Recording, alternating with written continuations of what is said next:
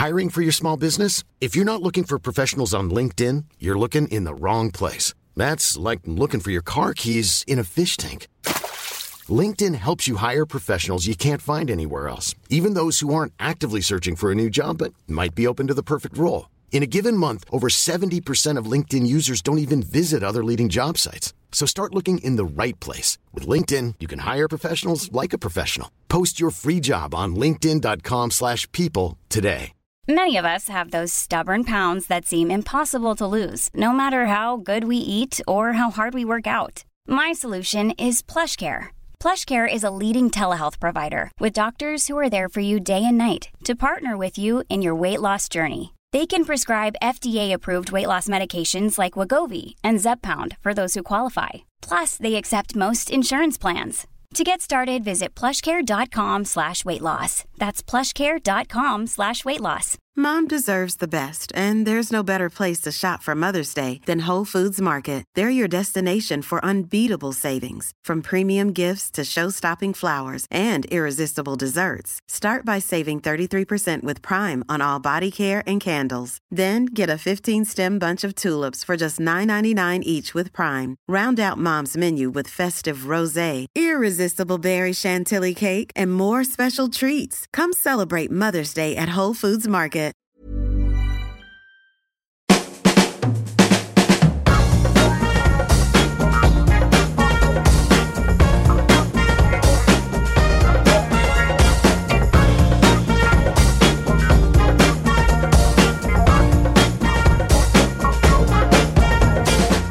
Välkomna till Health for Wealth, en podd om hälsa på arbetsplatsen. Det här är vår tredje säsong. Det här är avsnitt 35. Jag heter Ann-Sofie Forsmark. Jag är hälsostrateg, civilekonom och hälsocoach. Och jag heter Boel Stier och är kommunikatör och copywriter. Idag ska vi prata med Torbjörn Eriksson, VD för Tenant Partner. Men först kan vi väl återkoppla till det vi pratade om förra veckan. Om det här med att tiden, ja den räcker ju aldrig till. Så det gäller verkligen att lägga den på rätt saker. Eh, något man kan känna sig stressad av bara att höra. Men vi pratade om så här smarta tips och tricks för att ja, göra rätt saker på jobbet. Så man slipper hamna i det här läget där det blir jättebråttom och man får jobba hela natten och är jättetrött. Ja, precis. Det handlar nog om att liksom stanna upp och reflektera om man lägger just den här snäva tiden på rätt saker. Och då finns det flera knep och de pratar vi om. Men eh, ja, hinna med rätt saker. Och då började vi med att det ska finnas ett starkt varför. Och det kan låta lite så stort, men det, det kan man lägga lite tid på. Och så har man investerat i det och då behöver man inte tänka på det hela tiden. Mm. Varför gör vi det vi gör på jobbet? Ställa den enkla frågan ofta. Och det kan lösa många problem och besvara många frågor. Mm. Att ta sig tiden och Mm. tänka efter. Och apropå det där med varför, vi samarbetar ju med Skandia. Och de är involverade i och stöder ett antal intressanta och många gånger fleråriga forskningsprojekt. Där de samverkar med forskare på flera ledande universitet runt om i landet. Och apropå varför, varför säger jag så? Jo, men vi gillar att de tänker att de vill bidra till samhället. och inte bara till den egna lönsamheten. Fast den är förstås också viktig. Mm. Hand i hand. Mm. Eh, ja, precis. Det är ju därför vi heter Health for Wealth. Ja, Hälsa och precis. lönsamhet går Mm. hand i hand.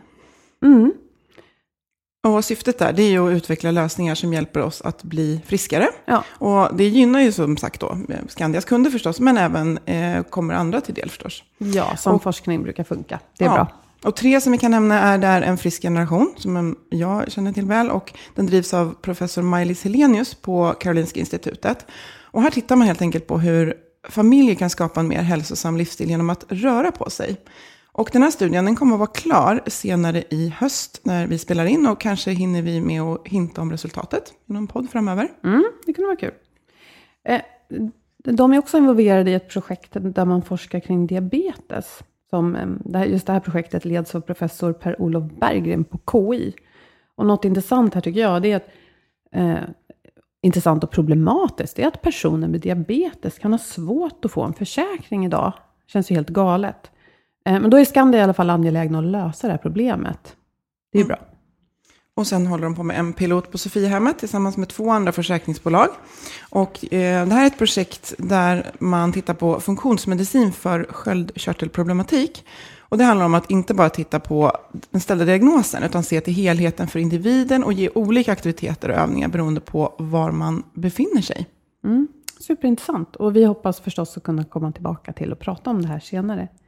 Men nu ska vi prata om ett prisbelönt hälsoarbete eh, med Torbjörn Eriksson som 2016 fick priset som Årets hälsofrämjande chef. Välkommen Torbjörn. Tack så mycket. Eh, kan vi gå tillbaka lite till motiveringen till att du fick den här utmärkelsen? Vad, mm. vad handlade det om? Ja, jag tror att eh, det, som, det som gjorde att jag fick den här utmärkelsen var väl eh, att vi har en lite bredare syn på det här med hälsa än vad man kanske har premierat tidigare. Så att vad vi tror på är ju att hälsa består av många olika aspekter. Där den fysiska hälsan är en, men den mentala hälsan också, det låter lite tråkigt kanske, men eh, vad som händer inom, inuti oss är, eh, är också en del. Och slutligen den sociala hälsan, det vill säga våra relationer. Och alla de här tre måste samspela för att, eh, för att vi ska uppnå som en total hälsa. Eh, och det är väl det arbetet som jag tror att juryn såg. Mm. Jätteintressant tycker jag. Och så tänker jag, varför tror du att mental hälsa skulle låta tråkigt? För jag tycker det låter som det mest intressanta. jag tänker mer på mental sjukdom. Det låter så, ja. mental hälsa. Okay. Nej, jag använder det själv ofta så att det, inte, det är ju inget, jag vet inte. Uh, men det är ju verkligen, det är verkligen en stor och viktig del med tanke på all information som vi bombarderas med hela tiden. Vi är ständigt uppkopplade och så vidare. Vi får verkligen, verkligen ett stort, stort och viktigt område att ta hand om tycker jag. Vi pratar ibland om, om det här att det som eh, är mer abstrakt, som jag skulle vilja påstå att vårt mentala hälsotillstånd är, om man jämför det med det fysiska som går att mäta, kanske lite tydligare. Jag kan själv ta min puls till exempel och få ett konkret liksom, bevis på mm. vad den säger. Mm. Att det är utmanande, men därför också intressant. Men vi har också pratat om att ibland så, det här tycker jag i alla fall, att vi ofta, många gånger, inte, ja, vi fastnar lätt i det här, eh, ja men vad har du för eh, syreupptagningsförmåga och hur många timmar sover du per natt och exakt vad du har du på tallriken som hälsomått. Mm. Men vad har ni använt för, ja man kanske inte behöver mått, men ändå hur har du bedömt om ditt jobb är framgångsrikt på den mentala sidan? Alltså ytterst så märks ju det i, eh, det behövs ju inga verktyg för att, för att tala om hur det känns att möta andra människor. Det känner man ju. Så att, mm. så att eh, jag ska inte säga att vi mäter eh, hjärnfrekvenser och, och hur, hur avslappnade människor är, det gör vi ju inte.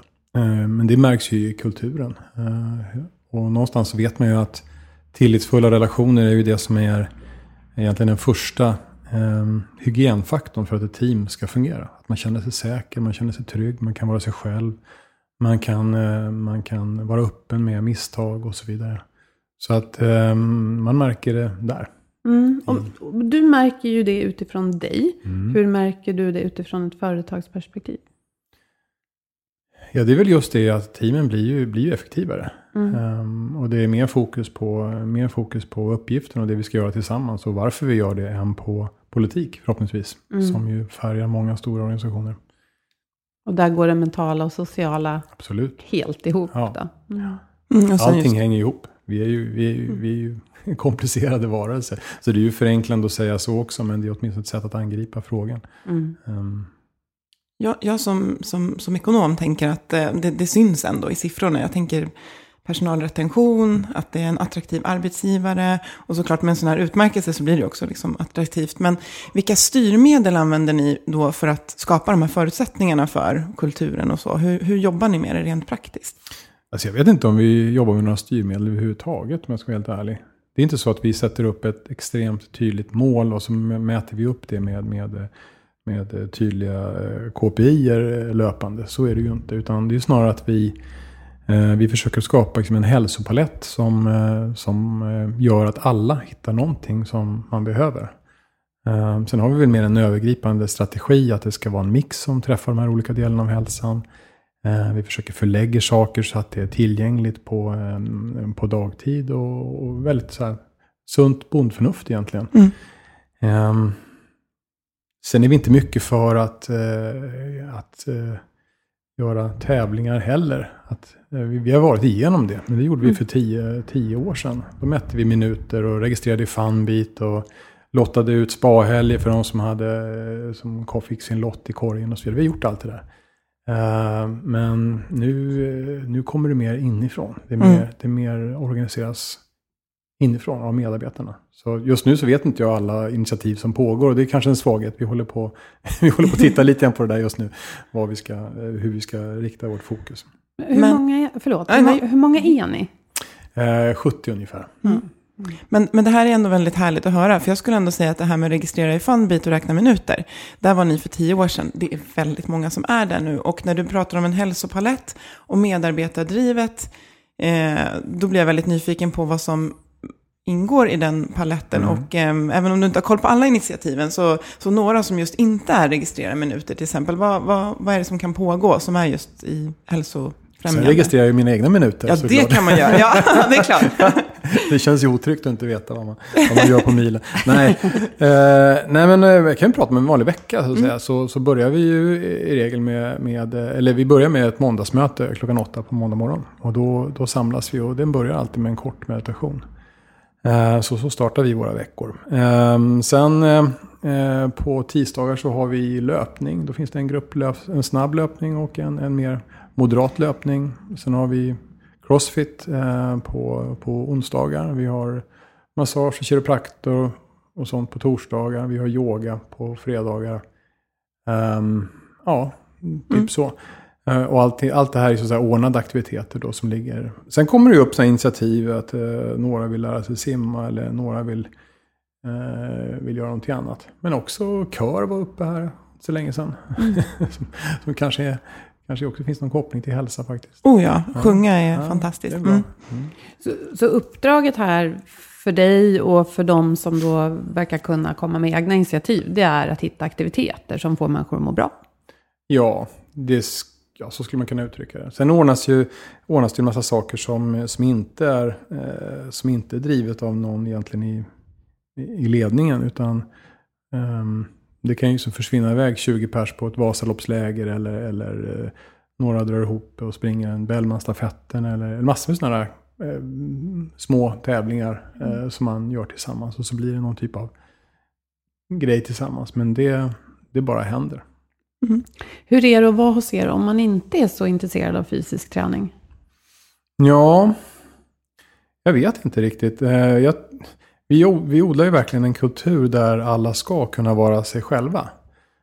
Um, sen är det klart att vi har en, en, en viss, eh, viss träningsprofil och det finns ju människor som, som söker till oss för att de vet att vi har en, en, ett, ett, att vi tycker att det är viktigt med hälsa och, och, och träning i alla dess former. Ehm, så då kanske man inte i första hand söker sig till oss tror jag. Mm. Sen är det väldigt många som har kommit till oss som har, liksom, tycker, har gillat arbetsplatsen och kanske inte varit så, eh, så himla aktiv. Eh, men, men som verkligen har eh, gjort stora, stora, stora framsteg för att de har valt det själva. Mm. Och det är roligt. Men det är okej även om man inte är snabblöpare eller... Ja, absolut. absolut. Men, men det finns alltid sådana saker att hålla lite ögonen på när det gäller hälsoarbete. Man kan ju ställa sig, det finns ju stora frågor. Ska vi, ska vi rikta initiativen till de som ändå hade tränat? Mm. Eller ska vi rikta initiativen till de som kanske borde träna, om man nu ska sätta sig på sina höga hästar? Och där kan man finnas en, en, en, en avgränsning. Och det är väl det där som du säger med höga hästar. Det är väl där egentligen problemet ligger. Att man kan ju säga då för, förstås att forskning visar att vi mår bra av att röra på oss. Så det är ju fakta. Men sen den här arbetsgivarrollen och hur mycket ska jag knuffa mina medarbetare att, att göra de här fysiska aktiviteterna och vilken kultur bygger vi? Alltså, du måste ha funderat jättemycket på det här. Ja, har jag det? alltså jag, ja, fast jag tänker inte riktigt, jag tänker inte riktigt så här som hälsa som någonting isolerat. Som hur, hur ska vi bygga upp en, liksom en... Nej, jag tänker inte så. Utan det här är ju ett, en, en, ett företag är ju en, en organism med, med, med inre och yttre strukturer som måste, måste fungera. Och allt det här hänger ju ihop. Mm. Så någonstans så har du ju eh, alltså ett, ett företag eller en organisation som har ofriska strukturer, ofriska ledarskapsprinciper eller en kultur som är skadlig och så vidare. Eh, allt det här hänger ju ihop med hur människorna mår. Så att man måste nog ta och titta på, en, på hela bilden för att, för att eh, tror jag, för att kunna göra kloka beslut. Så Mm. att saker hänger ihop.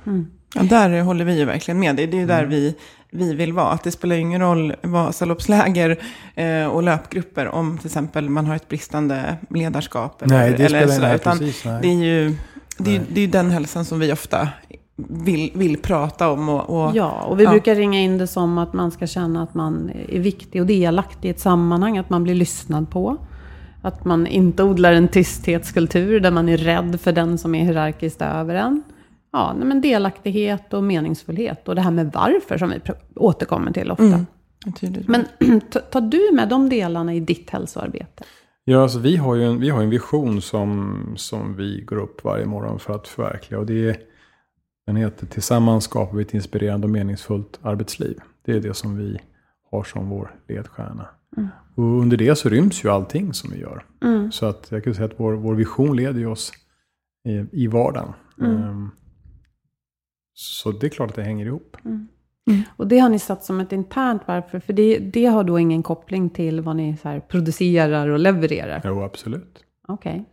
Det finst bara ett varför. Det är den visionen. Så Mm. att vi levererar, vi levererar ju eh, fastigheter och lokaler och, och inredda kontor och st- stora liksom, omlokaliseringsprojekt och så vidare. Där vi hjälper våra kunder att använda lokalerna för att förverkliga sina, sina verksamhetseffekter som man söker. Eh, Så det är det vi gör. Eh, och, men vårt varför är ju att vi tillsammans vill skapa ett inspirerande och meningsfullt arbetsliv. Så det är med oss i, det är samma sak inåt och utåt. Det är både för er själva och Absolut, det ja. ni levererar utåt. Absolut. Ja.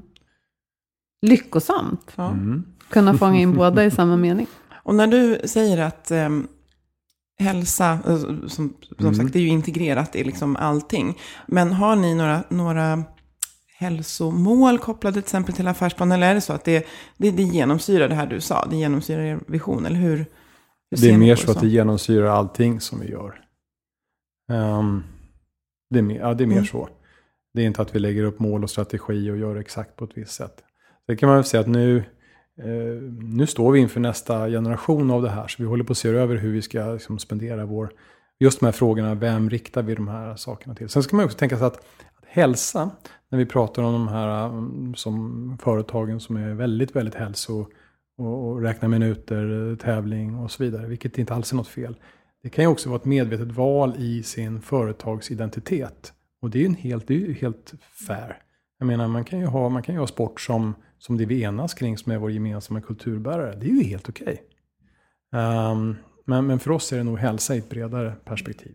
Alltså, jag jobb, har jobbat 18 år i den branschen och jag skulle säga att, och jag har jobbat med träning också. Och jag skulle säga att det där du pratar om, det, är ju mer, det är ju prestations... Ja. Alltså det är ju presta, det är liksom, det är någonting annat. Men om vi definierar hälsa, finns många definitioner, men just att fysiskt och psykiskt välmående, men också att klara av de krav som, som ställs på en. Och ofta lägger man till exempel till en hård träningssatsning. Det är egentligen att lägga till, det vet ju du också som, som håller på med det vi kallar för snorsport, som jag också gör. Eh, det är ju att lägga till ett krav faktiskt, som man ska möta. Eh, medans, eh, jag brukar prata om det ibland, att om jag definierar vad jag skulle göra för att ta hand bara om min hälsa, då är det väldigt mycket av min fysiska aktivitet som försvinner, för den är riktad till att jag ska prestera. Och det är ofta här, jag hör hur du tycker om det här, men det är ofta här jag kan se ibland på företag att det, det, det blandas ihop lite. Eh, man pratar om hälsa, men det är ofta eh, prestation det handlar om. Och vi kommer in på minuter och Mm. Ja, så kan det absolut vara. Ehm, Så kan det absolut vara. Sen kan det ju vara, det är ju många som drivs, det är ju kul att sätta egna mål och, och, och, eh, och jaga lite minuter och så. Det, jag kan väl själv tycka att det är ganska roligt att ut och bufflas lite grann på löpbanan och, man känner sig som en, eh, några björnungar på savannen bara som, som brottas lite grann på skoj. Ehm, så det kan väl också ha sin, sin funktion. Men, men det, är, det är en stor skillnad mellan, mellan, mellan hälsa och, och, eh, och prestation. Och mycket, mycket är så motion, motionsidrott är ju nästan på gränsen till elitidrott idag. Det, är liksom, det, börjar, det börjar nästan, elitmotionärerna är ju inte så, eh, ja det, det är nästan ja, det är verkligen elitmotionärer. Eh, och inget fel i det heller. Men, Nej, precis, men, men, men eh, det är kanske ett spår utav eh, ett spår av det här med hälsa. Om det nu är hälsa. Ja. Jag tänker just att om man, om man pratar om sin vision och hur Mm. hälsa är en förutsättning för att leva upp till den. Eh, så kan det ju vara att någon går, mår jättebra av att ha de här hårda eh, träningsmålen på sidan om. Men man kan också notera att det, det är just ett krav. Och i vissa fall när det är till exempel mycket på jobbet så funkar inte riktigt båda de här. Och, ehm, att det då finns förutsättningar inom organisationen att ta hand om hälsan. Men ja, jag vet inte vart jag är på väg med det resonemanget. Men just att det är en viss skillnad mellan, ja, Men jag har en fråga. Det här, Mm. eh, när ni erbjuder aktiviteter, gör man dem utanför arbetstid eller är det på arbetstid? Nej, vi gör, det är ju allt möjligt ska jag säga. Men, men de här aktiviteterna som jag räknade upp, som vi har vår veckoplan, alla de ligger ju på eh, liksom mitt i veckan, arbets, liksom, arbets, mitt i arbetsveckan. Gärna kring lunch eller i början eller slutet av dagen. Så. Men man kan ta sin arbetstid till att träna då, eller det går en extra timme om man väljer Alltså, vi har ju inga stämpelklockor. Nej, Nej jag är bara nyfiken. ja, nej, man tränar när, man, när, när det passar. Alltså, Mm. Ibland så har man ju Ibland så har man kundmötet över lunchen och då, då, då blir det ju kundmöte över lunchen. Då får man Mm. träna vid två istället om man vill. Eller, eller när det passar. Nej men vi har inga sådana, man kan träna när man vill. Mm. Nej, jag tänker på, på, i mitt yrke så tidrapporterar jag och varje timme liksom Ja. behöver bokas någonstans. Och jag har jättestor frihet, men de där timmarna måste jag göra. Så jag kan träna tre timmar mitt på dagen. Men då blir jag av med mina åtta som jag behöver. Mm. Ja, jag ska inte säga att det är exakt så, så, eh, så reglerat hos oss, men, men, men, men ungefär så. Mm. Man, eh, någonstans så har man ju ett, ett jobb och man får betalt för att göra någonting. Så det är klart att arbetsgivaren förväntar sig någon prestation tillbaka. Mm. Ehm, men, men eh, hur och när det sker är väl mindre viktigt. Mm. Och det funkar ju eh, i vissa typer av verksamheter, men också när man har ett tydligt varför, som man vet att man, medarbetarna känner till. Då kan man ge det förtroendet, för man kan, och förtroende bygger ju också engagemang och ja, trygghet. Sen, när, sen när du ställer frågan sådär också, så nu kanske inte det, nu är ni initierade i, i, i det här med, med hälsa och så vidare, men, men ibland så, så, så ligger det ju någonting, ett antagande i, i den typen av resonemang att, att man verkligen eh, sänker prestationen genom att träna en stund på arbetstid. Och, så är ju inte fallet. Så att det där är också lite mindset. Jag menar, om, om jag har någon medarbetare som vill sätta sig i lugn och ro och meditera en stund eller om jag någon som vill eh, köra en stund i gymmet så är jag ju helt säker på att den totala, totala outputen blir bättre. Det är ju jag också säker på. Mm. Och där tänker jag egentligen, ja, så här om man nu ska redogöra exakt för sin tid, vilket en del av oss behöver göra på jobbet. Då tänker jag att men det är ju ungefär som att jag faktiskt hinner pausa och gå på toaletten eller hinna sträcka på mig några minuter varje timme. Det är som en hygienfaktor. Mm. Så kanske också borde vara en likadan hygienfaktor att jag tar en tio minuters yoga på eftermiddagen när jag vill. Att det ska liksom ingå i den stora helheten. Tycker jag. Mm. Ja, men just när det finns ett tydligt, så här, jag, det var, jag har en utmanande uppgift framför mig och jag har laddat min hjärna, precis som man laddar sin iPhone och dator. Det är ju så, det är ju bara att vi behöver bara närma oss och prata runt de här abstrakt och förtydliga förväntningar och, och, och det har ju ni gjort. Så då känns det som att om man skulle plocka någon av dina medarbetare och fråga, nej, nej men det är helt okej hos oss, så ja, jag vill ju göra mitt jobb. Så att, men det handlar ju om att ha gjort ett grundarbete som är ehm, att bygga in den här kulturen. Det, det går inte att sätta upp en lapp på måndag, träna på arbetstid, varsågod. Utan ni har ju gjort det här jobbet. Absolut, och det, jag tror att också att som arbetsgivare, om jag nu sätter mig i, i, den rollen, jag tänker sällan på mig själv som arbetsgivare, men, men, men om jag gör det, så, så finns det ju eh, ganska mycket saker man kan göra för att skapa förutsättningar för hälsa. Jag menar, det finns allt. Allt ifrån, vi jobbar ju med lokaler, så, att, så att handla, det handlar ju om att kunna anpassa lokaler så att vi kan så att vi kan leva ett, ett hälsosamt liv. Allt ifrån att det finns cykelförråd, att det går att duscha och byta om, att det finns ställen att ha grejerna på och så vidare. Som är så här små grejer som, gör, som, som tar bort de här, de här små trösklarna. Ja, jätteviktigt. Men de vill ju vi höra mer om, eller hur? ja, För just det här med praktiska tips, det är något som våra lyssnare gillar. Och vi. ja. Och, och som du säger också enkla tröskelsänkare. Vad kan man göra då, förutom som du säger att, att fixa så att man då kan ta sig till jobbet, duscha, byta om. Hur kan man inrätta eh, platsen där vi jobbar på ett sätt så att det funkar för... Vi pratade lite innan eh, vi började spela in om det här med ibland behöver man fokus, ibland behöver man samverka. Jag tror att det, det, det återigen så, så ser väl vi det här som ett, som ett lite större, ett större område än bara, bara hälsa. Utan vi ser väl så att vi människor gör olika saker vid olika tillfällen. Eh, och de här olika aktiviteterna som vi, som, vi, eh, som vi håller på med, de kräver olika förutsättningar. Ibland behöver jag kunna koncentrera mig och sitta tyst själv. Eh, ibland kan jag sitta, sitta i en miljö där, där det är okej att bli lite störd, där jag gör lite enklare arbetsuppgifter. Eller så jobbar jag tillsammans med andra, antingen fokuserat, typ av workshop och så vidare, eller mer socialt när vi möts och, och, och interagerar så, då kanske i loungemiljöer. Och precis samma sak är det ju med kopplingen till, till, till hälsospåret. Att, att det finns aktiviteter som vi utför som, där lokalerna kan, kan stödja det. Men jag tror ändå att det mesta är det mesta är nog att jobba med, med, med eh, kulturen och mindsetet kring de här frågorna. Tydliggöra att det är, att det är okej okay att träna. Det kan man nog säga hundra gånger. Att det är mm. okej okay okay att ta hand om sig själv. Jag tror mycket, mycket av begränsningarna som som finns, de sitter ju i våra egna huvuden. Och så är det ju inte bara inom hälsa, så är det ju inom mm. nästan allting. Mm. Mm. Så att eh, ta bort de inre barriärerna kanske vi ska hjälpa till med. Mm. Mm. Vi kallar det här avsnittet Så blir man bäst på hälsa. eh, och, då, och då menar vi ju liksom ett organisationsperspektiv då. Hur, hur, för, för att koka ner det här resonemanget, hur, mm. hur, hur blir man? Kan, du, kan, vi, kan vi koka ner det till tre områden som man ska tänka på? Ja, det kanske man kan. Ehm, jag tror ju att eh, ehm, eh, om man tar ett väldigt högt perspektiv på det här eh, med, med att bedriva företag överhuvudtaget så tror jag att, att om vi tänker oss för 20 år sedan, det var ingen som brydde sig om vad vi hade för el i eluttaget. Det är strunt samma om den kommer från fossilt bränsle eller något kolkraftverk i Polen eller var det kommer ifrån.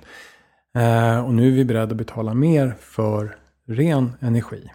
Så att det sker någon typ av, typ utveckling. Samma sak tror jag kommer att hända med företag och organisationer. Eh, och eh, det vi tror på det är att alltså, hållbara organisationer behöver svara på tre centrala frågor.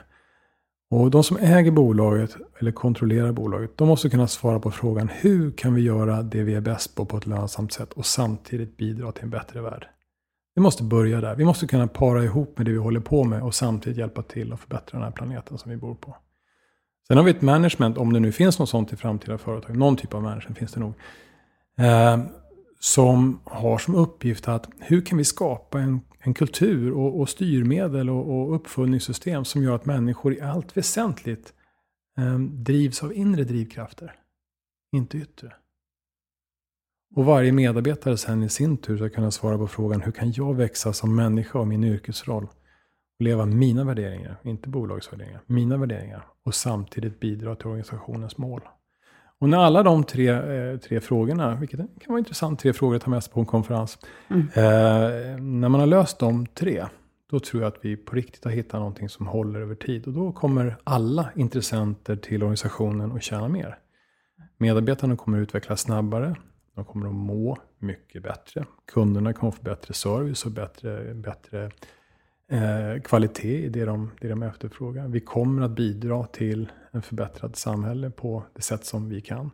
Och aktieägarna kommer också så småningom att tjäna mer pengar. Därför att det här kommer att vara det lönsammaste sättet att göra det på. Så alla kommer att tjäna mer. Mm. Fantastiskt va? Ja. Alltså vilken programförklaring. Ja. Men den är, ja. den är ju sann. Jag sitter liksom och bara nickar, nickar, Den nickar. är sann och, och säkert väldigt, väldigt svår. Först att definiera tror jag för många. Eller, för jag tänker också så här, jag satt och tänkte på det nu att um, i och för sig, det, det är klart det finns massa organisationer som inte, jag kan inte säga någon, men som inte liksom syftar till att vi skapar ett bättre samhälle. Men det, det, och de flesta organisationer behövs och har ett syfte. Det är bara att det inte alltid som man som medarbetare står där och har det eh, klart framför sig på näthinnan när man kommer in till jobbet. Och man kanske inte riktigt ser hur jag bidrar till det. Men där den här transparensen finns och det här tydliga syftet och varför. Eh, så finns ju de här möjligheterna. Och det blir också då lättare att säga, jaha, ja det är det här jag ska göra och det är det här jag vill göra. Då behöver jag det här. Mm. Och ska jag göra det här, då vill jag ju ta hand om mig. Och då vet jag att jag måste Mm. Sova bra, äta mm. bra, röra på mig. Så. Och det här låter ju också som en, eh, en plats eller en organisation med mer och mer självständiga individer. Mm, det är, Absolut. Eh, absolut. Det, jag tror att alla, alla organisationer eh, längtar nog efter, efter det, tror jag. Att Mm. var och en tar ett större eget ansvar. Sen kan man ju inte plocka bort eh, ledarskap och styrning och liksom uppföljning av hygienfaktorer som, som hur det går i företaget och så vidare. Det ska man ju, kan man ju inte göra. Ehm, Nej, för vi vet ju att tydlighet är Ja. väldigt viktigt för att vi ska må bra på jobbet. Det Mm. behöver vara tydligt vad jag ska göra och liksom när det är gott nog för att jag ska vara klar och så vidare. Och här finns det ju en, en paradox därför att om vi, om, vi nu, eh, om vi nu leker med tanken att människors engagemang styrs av att man i någon mån kan, eller i någon mån, att man kan rå över sitt eget liv. Att man har ett, liksom en, en autonomi i det man gör och, och, och att vi har liksom relationer som, som, som ger, som ger eh, kraft och kärlek kan man Mm. säga. Och att vi utvecklas eh, i, i det vi gör. Så, så det kan ju finnas en, en, en, en avvägning här mellan, mellan, mellan frihet och, och otydlighet som kan vara lite, lite delikat att ta hand om. Och vi vet ju att har vi människor för många val så blir vi ju i snitt mindre lyckliga med det val som vi faktiskt slutligen gör.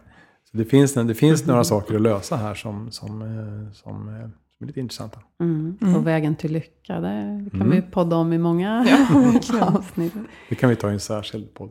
Ja, nej, men jag tycker det var intressant där faktiskt du nämnde att finns det någon management i framtiden och, och det som jag tycker att jag ser i det du beskriver också mer och mer självständiga individer som driver saker och ting själva.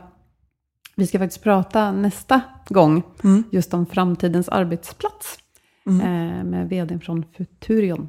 Mm. Eh, Ja, det blir spännande. Ja, och ja, man undrar ibland var vi är på väg. Mm. Men vi behöver nog ge varandra mer utrymme, men också behålla den här tydligheten. Mm. Och hur vi, hur vi gör det är ju en utmaning. Men jag måste få skjuta in också.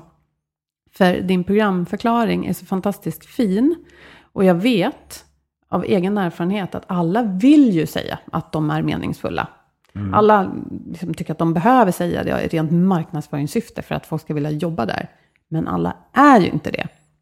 Och det skulle vi podda om någon gång, det här glappet som kan uppstå när företaget säger att man bidrar till en bättre värld, men man kör slut på sina medarbetare. Mm. Eller hur? Det är det här, det är det här strukturerna måste hänga ihop med. Både det inre och yttre måste vara, vara på plats. Mm. Så att det är, ja, det är ett intressant område. Och det, det, vi håller ju på att experimentera med massor med nya sätt att, att leda och styra.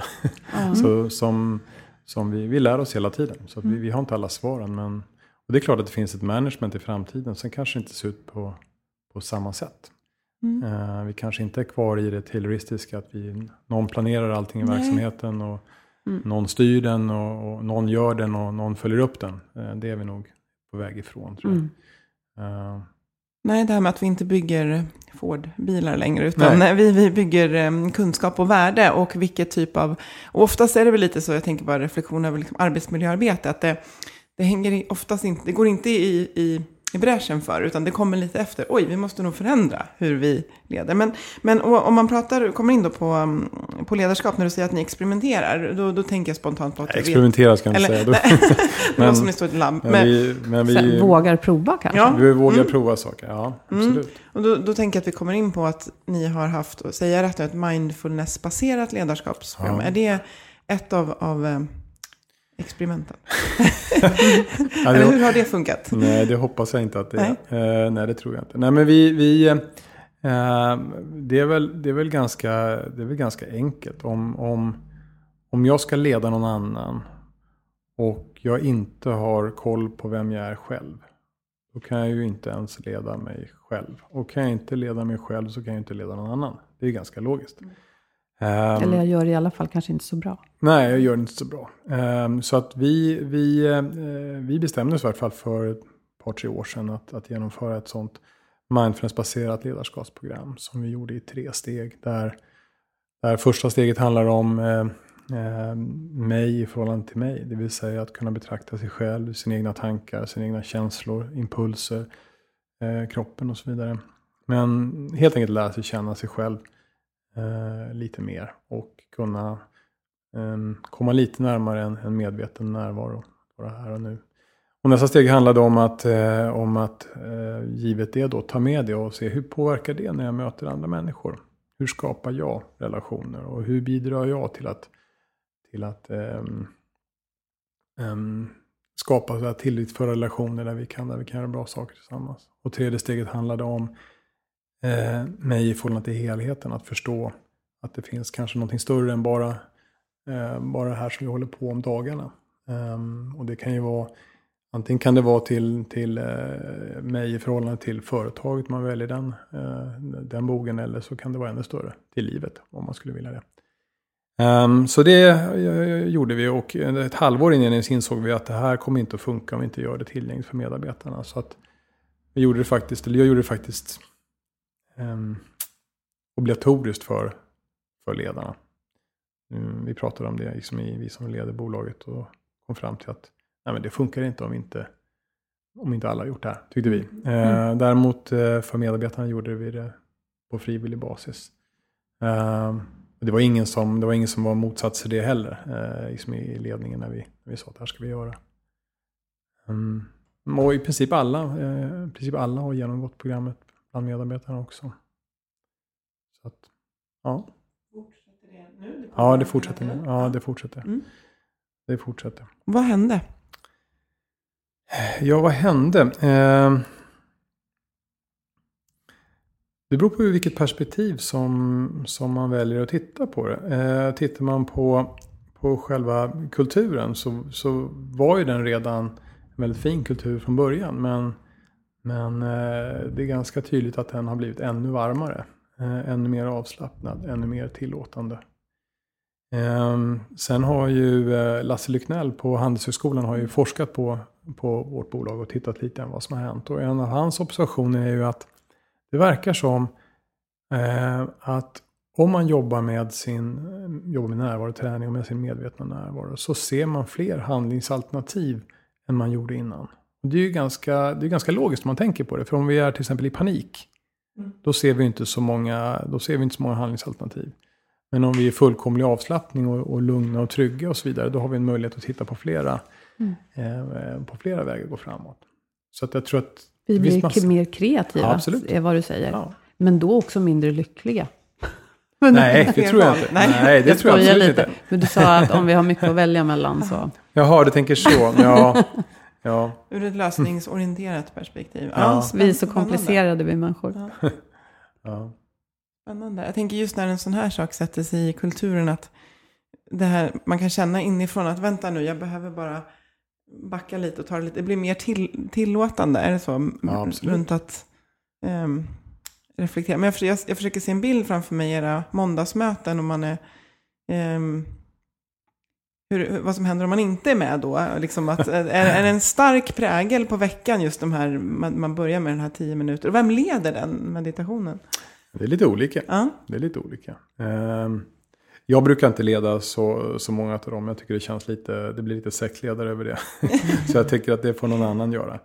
Ehm, så det roterar lite grann. Sen kör vi guidade meditationer. Ibland kör vi bara en tyst minut och landar med varandra. Mm. Ibland eh, startar man med någon typ av delning där man sitter ett par stycken och delar var man är någonstans på ett litet, litet djupare plan kanske. Mm. Inte bara hur helgen har varit. Um, så det är lite, det är lite Så det här är ingenting man sitter 70 personer och gör i ett stort rum? Ja, ja 70 är vi nog aldrig, men, men hela... Eh, jo, det kan det vara. Mm. 70 är kanske då inte, alla är ju inte där på plats kanske då, men mm. 50 personer i alla fall. Mm. Hur, um, jag tänker det här är, det, jag skulle säga det låter lite semi-obligatoriskt. Fast jag menar, vill man inte vara med då kan man komma liksom senare. Det låter inte tvingande på något sätt. Men hur, hur ser du på just att det har seglat upp en del, eh, ofta i media och, och, tidningar och branschtidningar och sådär, just om, om eh, mer eller mindre obligatoriska eh, och det är ofta fysisk aktivitet. Det handlar sällan om att man måste äta någonting eller sova som andra delar av att, av att må bra. Men just fysisk aktivitet, att man kan få betalt för att träna eller det är obligatoriskt att vara med på någonting. Så hur ser ni på, eller hur ser du på det? Ja, ehm, um, för någonstans så kommer man ju aldrig att, oavsett vilken strategi man väljer, så kommer man ju aldrig resultera i att den valda strategin möter allas, eh, allas eh, önskemål. Ehm, så jag tycker det handlar mer om att odla en kultur där det är okej att välja sin egen väg. tycker jag. Så att man får jobba hårdare med den delen. Ehm, och är det någon som känner obehag eller inte vill vara med så får man ge dem en extra, liksom, en extra kram. eh, och se till att de kan välja den vägen. Mm. Ehm, så jag vet inte riktigt. Det kanske inte var svar på frågan. Jo, det, det, ja, det, det finns kanske inte något. Det du säger är att det kanske inte behöver vara så komplicerat om den som inte vill delta på någonting känner Nej, att det nej. är helt okej. Mm, Nej, men, så, nej, men absolut. absolut. Att man inte tittar snett sen i korridoren fast man säger att det är okej utan att det verkligen är det. Mm. Sen om vi mediterar tillsammans, om vi sitter ner en stund och, och, och landar. Så det är liksom, jag, jag lägger mig inte i om du sitter och funderar ut vad du ska köpa på ICA när du åker hem. Nej. Du, Nej. du gör ju vad du vill. Mm. Så, att, eh, så egentligen är ju i någon mån så är ju all, ehm, all sån träning ju också frivillig. Mm, absolut. Mm. Ehm, Ja, det är kanske ännu större utrymme för frihet där, tänker jag. Ja. För om man är ute i löpspåret så syns det liksom om man inte Ja, det är väldigt deltar. konkret om man inte, ehm, inte är där. Ja. Ja. Ja, tack för ett eh, väldigt intressant samtal. Det känns som Mm. eh, ja, vi täckte in mycket och hade kunnat, man kan alltid fördjupa sig mer i Ja. olika saker. Men eh, dina tre viktiga punkter där för hur man leder i hälsa, de tar jag med mig. Mm. Jättebra och stort sådär. Det är lätt att sammanfatta, men det är ett stort arbete Ja. som troligen de flesta av oss på de flesta arbetsplatser skulle behöva göra. Och kanske göra om igen, gissar jag. Och hålla levande Mm. Hela tiden. Mm. Tack så mycket. tack. Tack. Vi ska, eh, nu har vi varit filosofiska Ja, och pratat stort och abstrakt, men vi ska tillbaka till den fysiska aktiviteten, för vi gillar ju den. Jajamän. Vi vill bara Mm. ifrågasätta hur ja. man liksom pysslar med den på jobbet. Och vår samarbetspartner Twitch Health gillar också fysisk aktivitet. Gärna på jobbet, fast de säger inget om obligatoriskt. Nej. Och eh, här kommer åtta kraftfulla anledningar till varför som du som arbetsgivare ska prioritera fysisk aktivitet. Alltså skapa förutsättningar för det. Rulla ut en röd Ja. matta brukar jag säga. För dina anställda. Och Mm. Och första punkten, ja, är man fysiskt aktiv så bemästrar man faktiskt stress bättre och får mindre stresspåslag i kroppen. Och man blir snabbare på att lära sig nya saker. Mm. Och den kunskapen får man lättare att behålla eftersom minnet förbättras av träning. Och att röra på sig, det ökar självkänslan. Det hör ihop. Mm. Är man fysiskt aktiv så minskar risken också för att drabbas av depressioner och ångestsyndrom. Och man sover bättre. Och det, alla de här punkterna egentligen, trolla bort anledningen jag hinner inte. Det är viktigt att göra tid för det här. Och det kan till exempel en arbetsgivare göra. Mm. Och här vill jag verkligen trycka på det här med att nu pratar vi fysisk aktivitet. Det är inte eh, blodsmak i munnen, utan de, de här hälsofrämjande eh, fördelarna, de kan man få till utan att det behöver ta tid från saker och man bör oftast inte byta om heller faktiskt. Nej. Eh, Så vill du bli en attraktiv arbetsgivare, en viktig anledning till varför man väljer en arbetsplats, det är eh, att det finns, pratas om saker som balans i livet och möjlighet att kunna träna på lunchen till exempel. Så att, Mm. Eh, Eller under arbetsdagen som vi har pratat om tidigare. Men det ska finnas på plats för att man ska vara attraktiv som arbetsgivare. Mm. Och Twitch är väldigt bra på att ta helhetsgreppet också och hjälpa till med både strategi och att lansera aktiviteter och att få ihop helheten. Läs gärna mer på twitchhealth.se under blogginlägget åtta anledningar till varför du som arbetsgivare ska prioritera träning på arbetsplatsen. Precis, och ni kan förstås kontakta Twitch Health om ni vill ha stöd i arbetet. Och när vi hörs igen, då ska vi prata med Ann-Therese Enarsson som är från Futurion. Det nämnde du tidigare, om framtidens arbetsplats. Kommer chefen vara en robot? Kommer Så- vi alla att vara ja, robotar? Jag hoppas ju inte det, men det ska bli intressant att prata vidare om. Eh, ja, Mm, nej, jag tror att det kommer skapas väldigt mycket nya jobb när vi går in i en ny tid, vilket vi gör hela tiden. Mm. Ja. Vi får eh, djupdyka i det nästa gång. Tills dess är ni varmt välkomna att diskutera med oss på Facebook, LinkedIn, på hemsidan healthforwealth.se. Dela gärna avsnittet med dem du tror kan vara intresserade. Och så vill vi rikta ett stort tack till våra samarbetspartners Skandia och Twitch Health. och förstås Agda Media för produktionen. Tack, för att ni lyssnade. Hej! Hej!